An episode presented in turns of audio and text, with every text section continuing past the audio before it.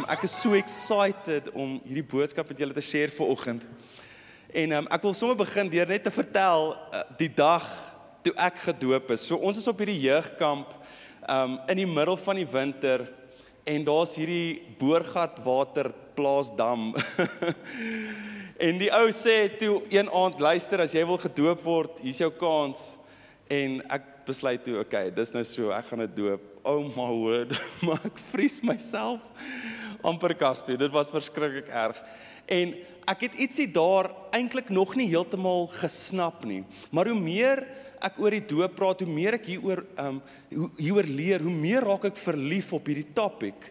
Want die, jy besef Wow, God het eintlik soveel diepte in hierdie oomblik gesit. Soveel diepte wat ons deur ons hele lewens en hopelik vandag, um, al is jy al voorheen gedoop, miskien refresh dit iets in jou hart om net te sê, "Wow, Here, ek het nog nie so daaraan gedink nie. Ek het nie besef die grootheid van hierdie oomblik nie." So, um, ek wil graag begin deur jou te vra vanoggend. Hoekom is jy 'n Christen? Hoekom is jy 'n Christen? Hoekom glo jy in Jesus? Is dit net omdat jy in 'n huis gebore is wat die Here gedien het of omdat dit maar net die regte ding is om te doen? Ehm um, dis die inding om te wees, is om 'n Christen te wees. Hoekom glo jy in God? Hoekom glo jy in die reddingskrag van Jesus? Nou, jy gaan verstaan hoekom ek hierdie vraag vra. As ons oopmaak in 1 Petrus 3 vers 15, begin Petrus eintlik met hierdie vraag. Hy sê, "In your hearts revere Christ as Lord. Van die begin af, die doop, hierdie event wat gebeur by hierdie doopbad, dit gaan oor lordship. As ek sê lordship, dan beteken dit ons besef dat Jesus is my redder. Hy is die een wat my my sondes van my wegvat. Hy is die een wat die prys betaal het vir my gebrokenheid sodat ek met hom in ewigheid kan wees, nê? Nee? Maar Hy kan nie net my redder wees nie. Hy moet ook my God wees, my Here, die begin en die einde, my Alfa en Omega, die een wat die laaste en die eerste sê het in alles in my lewe. Amen. So in your hearts revere Christ as Lord and dan vra hierdie vraag. Always be prepared to give an answer to everyone who asks you to give the reason for the hope that you have. But do this with gentleness and respect sien julle hy vra hierdie vraag luister wat is die rede wat is hierdie hoop wat jy in jou hart het? Wat is hierdie oortuiging? Dit gaan oor lordship. Dit gaan oor ek kan 'n ek kan met vrymoedigheid sê Here u is my alles. So my eerste punt vanoggend is doop is gelyk aan lordship. As jy gewonder het waar gaan dit? Wat is die vertrekpunt van die doop? Wat is hierdie event? Hoekom is dit so belangrik? Dit gaan oor die heerskappy van Jesus in my lewe. Nommer 2. Doop is gelyk aan sacrifice. Nou om net so 'n bietjie vir jou die prentjie in te kleer van hoe dit gelyk het in daai tyd en gebruik nou jou verbeelding, jy weet, om soos gebruik nou hierdie hierdie hierdie tool wat God vir jou gegee het om te imagine hoe dit moes gewees het 2000 jaar terug waar die eerste Jode besluit ek gaan vir Jesus volg. Ek gaan hierdie hierdie ou is die Messias. Hierdie ou is die redder van die wêreld. Hy is die seun van God. Hoe dit moes gewees het om te sê, okay, weet jy wat? Ek gaan my kultuur, my Joodse geskiedenis, my familie, ek gaan 'n klomp goeders agter my moet sit om Jesus te volg. Besef julle wat 'n so groot opoffering dit moes gewees het. Wat 'n groot sacrifice. Dit het hulle alles gekos. Families het letterlik vir vir hierdie mense, hierdie nuwe Christene gesê, "Listen, you're dead to us. Jy's dood vir ons. Jy's uit ons familie uit. Bye bye. Jy wil hierdie ou gaan volg wat op die kruis gesterf het." Dit het hulle alles gekos, julle. Doop moet vir jou ook 'n sacrifice wees. Dit moet vir jou ook 'n opoffering wees om om te sê my ou lewe is verby. Die ou Jaco is dood. Hy lê nog daar in die water en ek het 'n nuwe skepping geword, 'n nuwe persoon in Christus. Amen. So die doop is gelyk aan sacrifice. Um ek lees gou-gou weer vir daai gedeelte in van vers 15 af. Always be prepared to give an answer to everyone who asks you to give the reason for the hope that you have, but do this with gentleness and respect, keeping a clear conscience so that those who speak maliciously against your good behavior in Christ may be ashamed of their slander. Jo, kan jy dink hoe moes dit gewees het by die familiekeiers? O, Jaco is die een wat nou 'n Christen geword het. Ons is nog almal, jy weet, dedicated Jode en hierdie het nou besluit hy gaan 'n Christen wees. Hoe mense jou sleg gesê het, jou gemok het, jou jou laat voel het asof jy niks is nie. Elke komment wat uitkom is soos o ja, daar's die mal ou wat gevul is met die Heilige Gees. Hoe weird is dit? Hæ? Kan jy imagine hoe dit moes gewees het? So hy sê, luister, moet nooit skaam wees vir hierdie hoop wat jy in jou het nie. Um en wees seker hiervan dat jy gaan deur suffering gaan. Hy sê hierso, for it is better if it is God's will to suffer for doing good than for doing evil. Nog 'n ding wat gebeur het net weer konteks in daai tyd 2000 jaar terug terwyl daar 'n diens aan die gang is dan kom ouens en gooi die ruitte met klippe Hulle probeer die krag afsit sodat die band nie meer kan speel nie. Hulle probeer die diens ontwrig sodat mense nie 'n ontmoeting met die Here kan hê nie. Dis hoe dit was. Ons verstaan nie, ons besef nie hoe gemaklik ons dit het. Ons sit in hierdie lekker gebou met aircons wat aan is. Hierdie jaar toe ons in Mosambiek gaan uitreik het en ons 'n kerk daar gebou het, toe besef ek, wow. Hulle het letterlik net 'n boom nodig. Daar's 'n kerk. Dis al wat hulle nodig het. Ons is baie keer bietjie gespoild in die konteks waarin ons is en ons verstaan nie eintlik wat se verdrukking hierdie ouens deurgegaan het nie.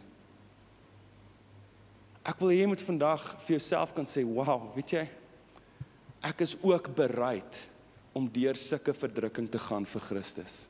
Ek is ook bereid om so te sacrifice soos wat hierdie eerste gelowiges opgeoffer het. Die doop is gelyk aan sacrificed. Hoor wat sê dan verder?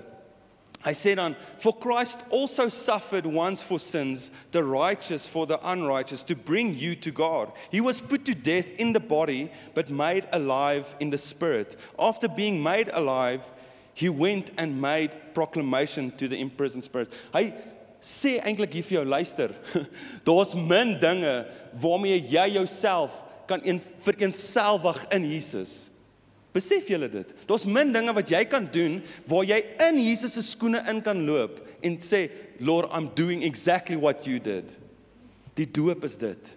Die doop is hoe ek en jy onsself heeltemal vereenselwig met sy dood en met sy opstanding. Ek en ons jy trek letterlik Jesus se Jerusalem cruisers aan en jy loop in sy skoene. Jy loop in sy in in dit wat hy beleef het en waartoe hy gegaan het. Jy vereenselwig jouself met hom. En hoor hierso, hierdie elke keer as ek dit lees, dit soos is is dit my so 'n curveball. Dit dit vang my so onkant. Jy weet soos 'n Engelse hakker wat daar in die middel van nêrens ingooi. En hy hoor wat sê hierso? To those who were disobedient long ago when God waited patiently in the days of Noah. Nou ek weet nie van jou nie. Ons praat nog heeltyd hier oor nuwe kerk dinge. Ons praat hier oor nuwe Christene. Ons praat hier oor die doop. Hier kom Petrus. Hy onthou vir Noag. Okay. In the days of Noah while the ark was being built, in it only a few people, eight in all, were saved through water. Hoe cool is dit? Hoe cool is dit dat Jesus nog altyd deel was van die prentjie. Hy het die storie geskryf van Noag tot waar hy die Israeliete uit slawerny uitgelei het, uit 'n gebroke verlede uitgelei het deur die water om hulle die mense van God, die volk van God te maak om hulle 'n nuwe identiteit te gee. Wanneer jy deur daai water gaan, hey, jy's besig deur 'n proses te gaan wat God al lank al geskryf het om jou identiteit heeltemal nuut te maak om te sê luister you were a slave but now you're a child of God. Hoor hierso. Nommer 3, ehm um, die doop is gelyk aan 'n nuwe skepping. Dit beteken ek en jy moet dinge nuut begin doen. Ons moet dinge anders te doen. Ons word 'n nuwe skepping. Hoor hoe eindig Petrus hier af. Hy sê, "And this water symbolizes baptism that now saves you also." Not a removal of dirt from the body, but the pledge of a clear conscience toward God. Hier is nie 'n weeklikse ding nie. Hier is nie 'n maandelikse of 'n 10 jare herdenking ding wat ek elke nou en dan doen om my geestelike dirt van my af skoon te maak nie. Hier is 'n one and done. Hier is 'n eternal besluit wat jy maak wanneer jy gedoop is. It's not the removal of dirt, but the pledge of a clear conscience toward toward God. It saves you by the resurrection of Jesus Christ, who has gone into heaven and is at God's right hand with angels, authorities, and powers in submission to him. Jo, julle, daar's soveel krag in die doop. Dis hierdie verskriklike significant moment en baie keer voel dit vir my die enigste ander event in jou lewe waarmee ek dit um half kan mee gelyk maak is die dag wanneer jy trou. Dis 'n publieke ding wat jy voor jou familie en vriende doen. Jy maak 'n belofte teenoor God voor hierdie mense. En die verwagting eintlik is om te sê elke persoon wat hier sit en daai doop beleef, het inspraak tot my lewe. Het inspraak om te kan sê, luister, Jaco, is jy okay? Is jy nog op die regte pad? Hoorie, ek dink aan jou, ek bid vir jou. Ek is saam met jou deur jou uitdagings. Wat het gebeur met Jesus net nadat hy gedoop is? Hy het gevas en hy's toe vervolg, nê? Nee? Of hy's hy's getoets deur die vyand. Ons het mekaar nodig, julle. Ons moet mekaar sterk maak. Ek wil hê ons moet vir 'n oomblik net ons oë sluit.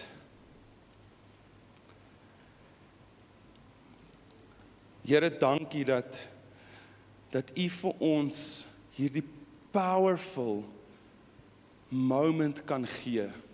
'n Datum waarna ons kan terugkyk en sê Lord, you changed my whole being on this day. You recreated me into a new creation. You made me new. You you gave me a new purpose. Here ek so ek bid dat die doop vir ons 'n nuwe waarde sal gee. Vir ons sal laat sien Here ons hak hier in by 'n storie wat U al van die begin van tyd skryf oor ons om ons nuut te maak. En Here ek bid dat dat as daar mense is wat vanoggend hier sit wat wat voel ja, vandag is die dag.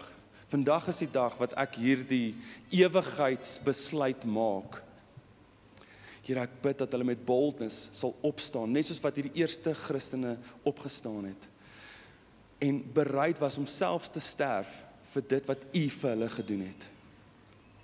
Ons bid dit in Jesus naam. Amen.